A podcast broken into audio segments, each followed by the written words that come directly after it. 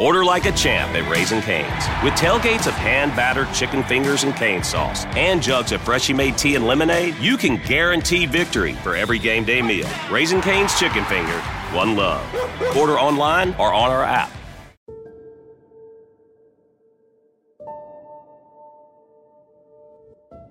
Niektórym z nas od czasu do czasu przez głowę przechodzi myśl, żeby wszystko rzucić, zniknąć i nigdy nie wrócić. Zdarza się, że w chwilach poczucia beznadziei i smutku jesteśmy skłonni robić rzeczy, których normalnie nigdy byśmy nie zrobili. Złamane serce, poczucie odrzucenia i krzywdy może odebrać nam poczucie wartości i sensu życia. Po chwili, czasem kilku godzinach czy dniach, uczucie mija, a my powoli wracamy do normalności. Nie wszyscy jednak chcą stawić czoła konsekwencjom. Niektórzy chcą po prostu zniknąć.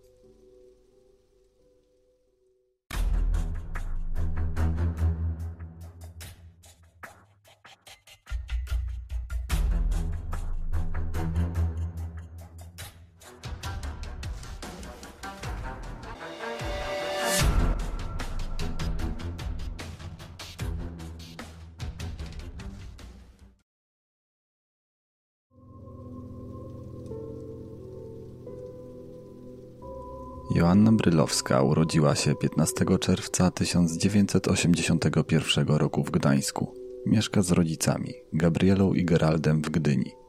Ma dwóch braci, Krzysztofa i Tomasza. Jest najmłodsza, co czyni ją oczkiem w głowie całej rodziny. Jest zdolna, ambitna i uparta. Mówią o niej, że jest indywidualistką. Nie ma trudności w nauce, w szkole podstawowej czy liceum Doskonale radzi sobie z językami. Uczy się włoskiego i angielskiego. Po ukończeniu szkoły idzie na studia. Nikogo to zresztą nie dziwi. Każdy wróży jej świetlaną przyszłość. Joasia jest też bardzo charakterystyczna, jeśli chodzi o wygląd zewnętrzny. Jest bardzo ładna. Ma blond włosy, piękne, zgrabne ciało. Na prawym policzku ma pieprzyk. Przyciąga uwagę płci przeciwnej zakochuje się do szaleństwa w chłopaku o imieniu Kamil. Zdarza jej się czasem westchnąć przy mamie. Boże, mamo, jak ja go kocham. We wrześniu 2004 roku ma 23 lata. Niebawem rozpocznie piąty rok ekonomii i drugi rok psychologii na Uniwersytecie Gdańskim. Jest bardzo dobrą studentką, a na ekonomii radzi sobie świetnie. To właśnie z tego tytułu uczelnia zaoferowała jej roczne stypendium naukowe w Genui. Dziewczyna jest podekscytowana i szczęśliwa. Do wyjazdu, zaplanowanego na koniec września, przygotowuje się bardzo skrupulatnie. Ostatni miesiąc nie należał do najprzyjemniejszych. W jej blisko czteroletnim związku z Kamilem pojawił się kryzys. Joasia, chcąc podszkolić swój język przed rocznym stypendium, wakacje spędza na Sycylii. Łączy przyjemne z pożytecznym i w trakcie pobytu pracuje przy pracach sezonowych. Poznaje wielu ludzi, korzysta z życia chodząc po dyskotekach, barach, restauracjach. Po powrocie do domu ni stąd ni zowąd zrywa z Kamilem. Trudno stwierdzić, w jakiej mierze ma na to wpływ to, co działo się na Sycylii. Może poznała kogoś nowego. Może doszła do wniosku, że relacja na odległość, jaką za chwilę będzie, jej związek z Kamilem nie ma sensu. Niemniej kilka dni później zmienia zdanie i chce zacząć od nowa. Chłopak jednak uważa, że klamka zapadła i nie ma czego ratować. Dziewczyna bardzo to przeżywa, jednak nie daje po sobie tego poznać. Radzi sobie z rozstaniem na swój własny sposób. Pisze notkę. Zrozumiałam, że po rozstaniu z Kamilem wszystko, co zrobiłam do tej pory, nie ma sensu. Kartkę papieru wkłada do koperty, a ten między bardzo pokaźny zbiór książek w swoim pokoju. Tym samym kończy z przeszłością i wkłada ją między woluminy. Zapewne nie podejrzewa, że ktokolwiek ją kiedyś znajdzie, ani tym bardziej, że wylany pod wpływem silnych emocji na kartkę zlepek myśli stanie się dowodem w jej własnej sprawie. Dziewczyna dużo w życiu przeszła. Takie rozstanie nie było więc pierwszą poważną trudnością w jej życiu. Można by rzec, że właściwie jedną z tych mniej poważnych. Gdy miała 21 lat, zachorowała na raka. Kilka miesięcy przyjmowała chemioterapię. Przeszła również poważną operację. Oczywistym jest, że odbijało się to echem na jej zdrowiu nie tylko fizycznym, ale i psychicznym. Niemniej bardzo szybko się podniosła, a w trakcie leczenia nawet nie przerwała studiów i podchodziła do wszystkich sesji z powodzeniem. Dziewczyna jest uparta. Jej życie powoli wraca na normalne tory. Wydaje się, że rozpad związku może być początkiem nowego etapu w jej dorosłym już życiu, nowym etapem, który rozpocznie we Włoszech. Jest poniedziałek 13 września 2004 roku. Joanna je z rodzicami obiad, jest popołudnie. Dziewczyna zasiadła do stołu, jak gdyby nigdy nic. Wcześniej wzięła kąpiel, umyła włosy, nałożyła makijaż. Jest lekko przeziębiona, z tego powodu pociąga nosem. Nie ma żadnych konkretnych planów na wieczór. Nie wspomina, że wybiera się na jakąś dyskotekę czy do baru. Być może, co wynika z jej rozmowy telefonicznej ze starszym bratem Tomkiem, wpadnie do niego w odwiedziny. Dopisuje jej apetyt, co zaskakuje, ale i sprawia wielką radość rodzicom. Jednak gdy ci po pracy wracają do domu, dziewczyny już nie ma. Krzysiek mówi, że Joasia poszła na dyskotekę. W międzyczasie otrzymuje SMS od siostry, by przekazał mamie, że wróci w nocy albo rano. Rodzina nie wie, że w tym czasie dziewczyna jest już na promie do Szwecji i wcale się do domu nie wybiera. To ostatni raz, kiedy kontaktuje się z bliskimi. W swoim pokoju zostawia spakowany bagaż, który ma zabrać ze sobą do Włoch już za tydzień. Są w nim wszystkie kosmetyki, ubrania, nawet takie rzeczy jak suszarka do włosów. Na stole wciąż leży jej ulubiony zegarek. W domu czeka na nią ukochany pies. Tego dnia bierze ze sobą tylko reklamówkę i malutką torebkę, którą zwykła zabierać ze sobą na imprezy. Wychodzi ubrana w jasne dżinsy, niebieską koszulkę i adidasy. Narzuca na siebie także sweter. Strój więc jest niezbyt adekwatny do okazji. Dzwoni na infolinię dla pracowników linii Stena Line. Zamawia taksówkę i jedzie do portu. Na miejscu wypala papierosa. Kupuje bilet do Karlskrony z tak zwanym krzesłem sypialnym, który załatwia sobie po znajomości. Wsiada na prom i znika bez śladu. Następnego dnia rodzice otrzymują niepokojący telefon od koleżanki córki, która chce się z nią skontaktować. Mówi, że dzwonił do niej były chłopak Joasi, który sugerował, że mogło się stać coś niedobrego. Po tych słowach Gabriela chwyta za telefon, by porozmawiać z Radkiem, jednym z kolegów dziewczyny, którego podejrzewała o to, że mógł spędzić z nią ostatni wieczór. Już dwa dni wcześniej, jak powiedziała jej córka, byli na dyskotece, więc z pewnością wyszli i tym razem. Niestety, chłopak twierdzi, że nie ma pojęcia, co dzieje się z Joasią i nie widział się z nią ani wczoraj, ani dzisiaj. Mało tego, utrzymuje, że jego relacja z dziewczyną sprowadzała się właściwie do kilku spotkań i że nigdy nie byli razem na dyskotece. Zresztą, kto chodzi na dyskoteki w poniedziałki? Po tych słowach rodzice bezzwłocznie zgłaszają zaginięcie córki na policję. Ci przyjmują zgłoszenie, jednak z powodu tego, że jest ona dorosła i mogła po prostu wyjść od tak, nie mówiąc nic nikomu, nie wszczynają śledztwa. Są przekonani, że dziewczyna za bardzo pobalowała i niebawem wróci. Gabriela i Geralt jednak nie zamierzają odpuścić. Przez myśl przechodzi im, że być może zaginięcie Joasi ma coś wspólnego z tym, że dzień wcześniej przeglądała internet w poszukiwaniu przekroju statku Stena Baltica. Być może zamierzała wypłynąć do Szwecji. Małżeństwo próbuje się czegoś dowiedzieć od firmy. Jedzie do punktu sprzedaży biletów i pyta, czy ona nie była ich klientem. Niestety, ale ze względu na ochronę danych osobowych, rodzice nie otrzymują niezbędnych informacji, które mogłyby ich przybliżyć do rozwiązania zagadki. Niemniej już wieczorem, korzystając z tak zwanych znajomości, dowiadują się, że Joasia kupiła bilet na prom do Szwecji 13 września. Bilet tylko w jedną stronę. Nie mogła popełnić samobójstwa. Na pewno nie. Takiego zdania są rodzice. Joasia jest bardzo odporna psychicznie. Dzielnie poradziła sobie z chorobą, trudnymi studiami w jej trakcie, a także wydawała się doskonale odnajdować w nowej sytuacji życiowej po rozstaniu z chłopakiem. Nic nie wskazywało, by miała pogorszony nastrój czy nawrót depresji. Nie, nie, rodzice odrzucają tę myśl natychmiastowo. Nie daje im jednak spokoju myśl, dlaczego zdecydowała się wyjechać. Czy miała tam przyjaciół? Może poznała nową miłość, może dostała pracę. Może bała się powiedzieć rodzicom, że właściwie nie ma już ochoty studiować, że w nosie ma to całe stypendium. Chce rozpocząć życie na swoich warunkach, w nowym miejscu, z nowymi ludźmi, w oderwaniu od przeszłości. With the Lucky Land slots, you can get lucky just about anywhere. This is your captain speaking. Uh, we've got clear runway and the weather's fine, but we're just going to circle up here a while and uh, get lucky. No, no, nothing like that. It's just these cash prizes add up quick. So I suggest you sit back, keep your tray table upright, and start getting lucky. Play for free at LuckyLandSlots.com. Are you feeling lucky? No purchase necessary. Void where prohibited by law. 18 plus terms and conditions apply. See website for details. A co jeśli? Jeśli jednak nie do końca poradziła sobie z zerwaniem? Kamil upierał się, że nie chce dawać związkowi kolejnej szansy. A ona, choć jak mówiła jej koleżanka, nie zwierzała się nikomu za bardzo. Bardzo to przeżywała. Wpadła w pułapkę negatywnych myśli, jak mantrę powtarzając sobie, że nic jej w życiu nie wychodzi, nic jej się nie udaje. Że na pewno nie poradzi sobie na studiach, nie znajdzie pracy, nie nadaje się do związków i chce do końca życia być sama. A może, może rzeczywiście odebrała sobie życie i dlatego z zapałem studiowała przekrój statku? Czyżby czegoś szukała? Jakiegoś ustronnego miejsca z dala od innych pasażerów?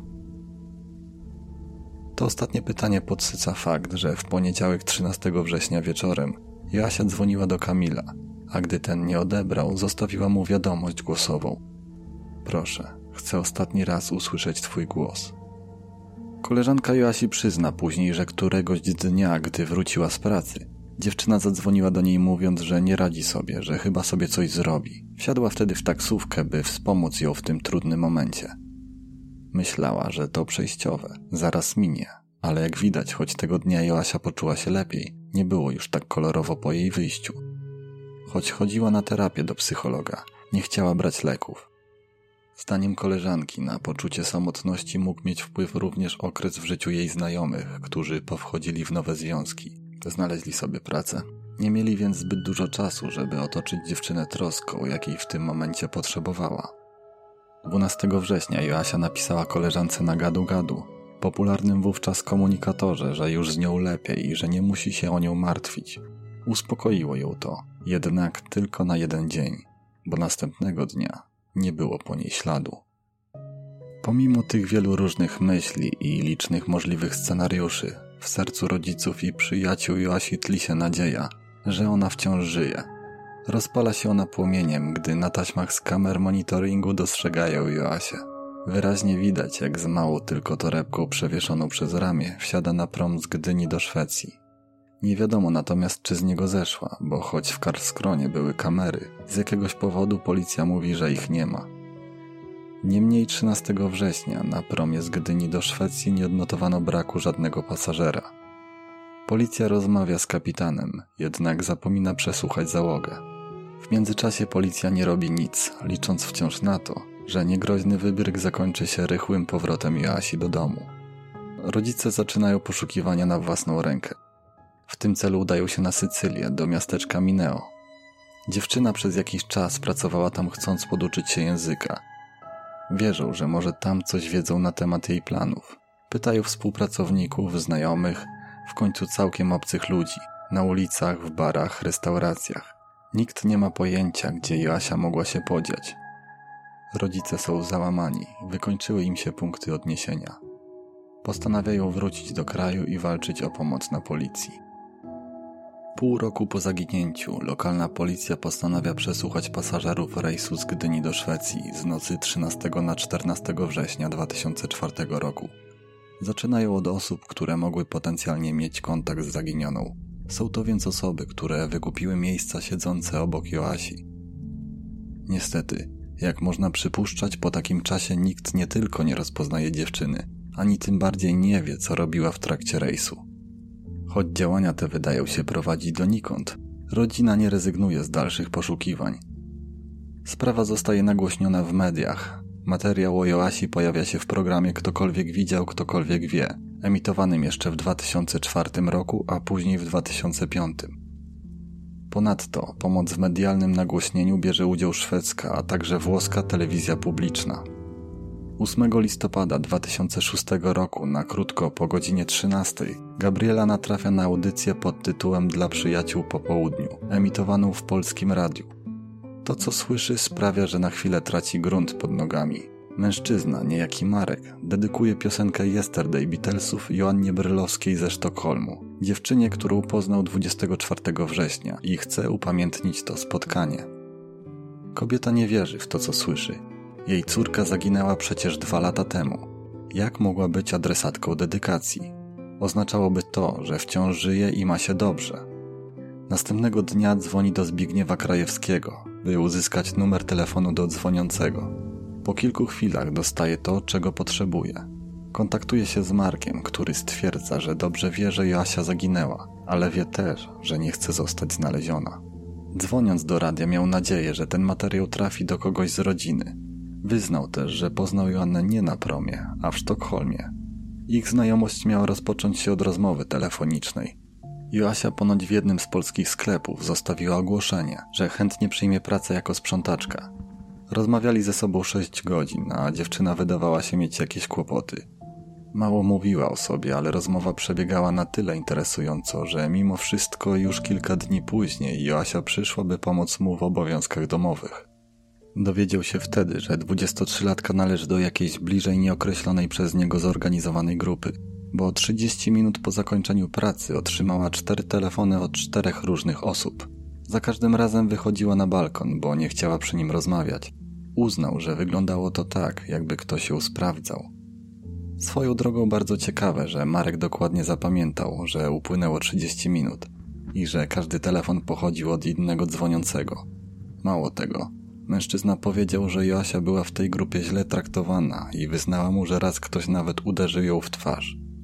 W trakcie rozmowy mężczyzna zaczynał ujawniać coraz to więcej szczegółów. Nie ukrywał, że Joasia spodobała mu się. Czuł, że ona miała chęć z nim zostać, ale on nie miał możliwości, by znaleźć dla niej jakąś ciekawą pracę. Ich spotkania zaczęły przybierać nieco inny kolor. Nie dotyczyły już tylko sprzątania. Na pytanie Gabrieli, czy może podać numer komórkowy, przez który się z nią kontaktował, odpowiedział, że jest już nieaktywny. A na to, skąd wierzy ze stuprocentową pewnością, że osoba, którą spotkał, była w istocie jej córką, Odpowiedział, że dlatego, że nie chciała powiedzieć, jak się nazywa. Przyznał, że gdy sięgnął po jej torebkę, by się o niej czegoś dowiedzieć, bardzo się przestraszyła, jakby coś ukrywała. Zajrzał wtedy do internetu, by przeszukać bazę osób zaginionych i znalazł jej zdjęcie. Nie wiadomo jednak, czy była to prawdziwa zaginiona, czy tylko bardzo ją przypominała. Albo że Marek wymyślił całą tę historię, znajdując zdjęcie ślicznej blondynki w internecie i zamierza się na sprawie wzbogacić. Umawiają się na spotkanie i w niedługim czasie matka jedzie do Sztokholmu, by twarzą w twarz porozmawiać z Markiem. Niestety, nie dowiaduje się niczego nowego, a rozmówca wydaje się być nieco arogancki i prowadzić jakąś grę. Grę, której zasady zna tylko on sam. Informacje na temat dziewczyny pochodziły także z innych źródeł. Na trzy miesiące po spotkaniu Gabrieli z Markiem w Sztokholmie, Katarzyna Smul z Fundacji Itaka poinformowała śledczych, że jeden z dziennikarzy przygotowujący materiał o osobach zaginionych dla włoskiej telewizji spotkał mężczyznę, który twierdził, że być może widział Joasię, że wiózł ją do placówki, gdzie przymuszano Polaków do pracy. Jeszcze w 2004 roku kobieta pracująca w polskim sklepie na Zingendan twierdziła, że spotkała Joasię, która przedstawiła się jej jako Monika. Z jej opowieści wynika, że dziewczyna przyjechała do chłopaka i rozpaczliwie poszukiwała pracy. Później otworzyła prowizoryczny salon manicure, który jednak nie przyniósł jej zysków, dlatego znowu szukała pracy, tym razem jako sprzątaczka. Kasjerka opowiadała, że Joasia wciąż chodziła w tych samych ubraniach i widać było, że nie znajduje się w korzystnej sytuacji finansowej. Kolejne donosy dochodziły do rodziny zaginionej także w latach późniejszych. W 2012 roku ponoć widziano ją w jednym z hoteli. W 2015 roku natomiast do fundacji Itaka zgłosiła się kosmetyczka, która rzekomo robiła Joasi brwi. Choć Itaka twierdzi, że takiego zgłoszenia nigdy nie było, kobieta nie poddała się. Była pewna, że jej klientką była Joanna Brylowska, a jej zeznanie może pomóc w śledztwie. W listopadzie 2018 roku odezwała się do Fundacji Zaginieni przed laty, by dołożyć cegiełkę do rozwikłania zagadki. Zostawiła wszystkie rzeczy, to jest torba, którą przygotowała sobie do, do wyjazdu już do Włoch na te studia, no ale niestety torba została, której nie zabrała do, do Szwecji. Tu są jej mebelki, wszystkie jej książki, które miała, gdzie studiowała. Tu jest y, również jej y, laptop, który został, jeszcze działa, chociaż pomimo tyle lat. No i czeka na nią to wszystko. Kanapa tak samo, niczego nie zmienialiśmy, czekamy na nią, aż przyjdzie i za, zaproponuje jakąś zmianę.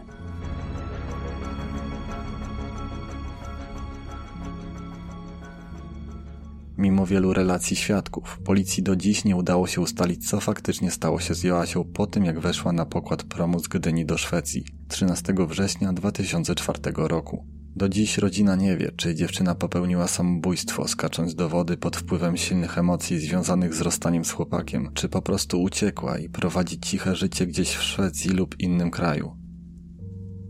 Jej śliczna twarz wciąż gości na liście osób zaginionych.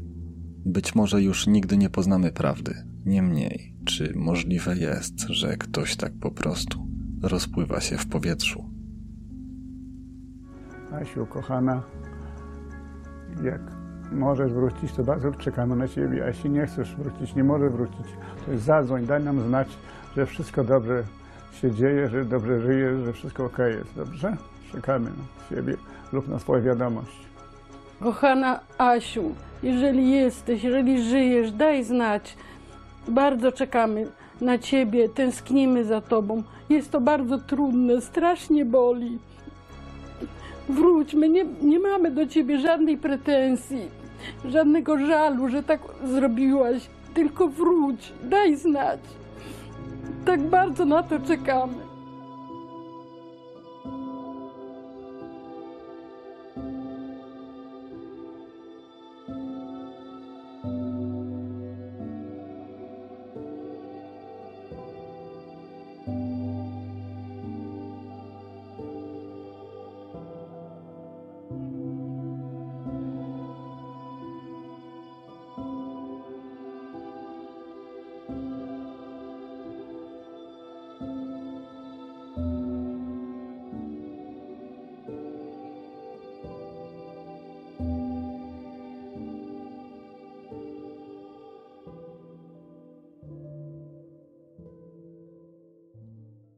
Judy was boring. Hello. Then Judy discovered ChumbaCasino.com. It's my little escape. Now Judy's the life of the party. Oh, baby, Mama's bringing home the bacon. Whoa, take it easy, Judy. The Chumba life is for everybody. So go to ChumbaCasino.com and play over 100 casino style games. Join today and play for free for your chance to redeem some serious prizes. ChumbaCasino.com. No purchase necessary. Void where prohibited by law. 18 plus terms and conditions apply. See website for details. Okay, round two. Name something that's not boring. A laundry? Ooh, a book club. Computer solitaire, huh? Ah, sorry, we were looking for Chumba Casino. That's right. ChumbaCasino.com has over 100 casino style games. Join today and play for free for your chance to redeem some serious prizes. ChumbaCasino.com. No purchase necessary. Where prohibited by law. 18 plus terms and conditions apply. See website for details.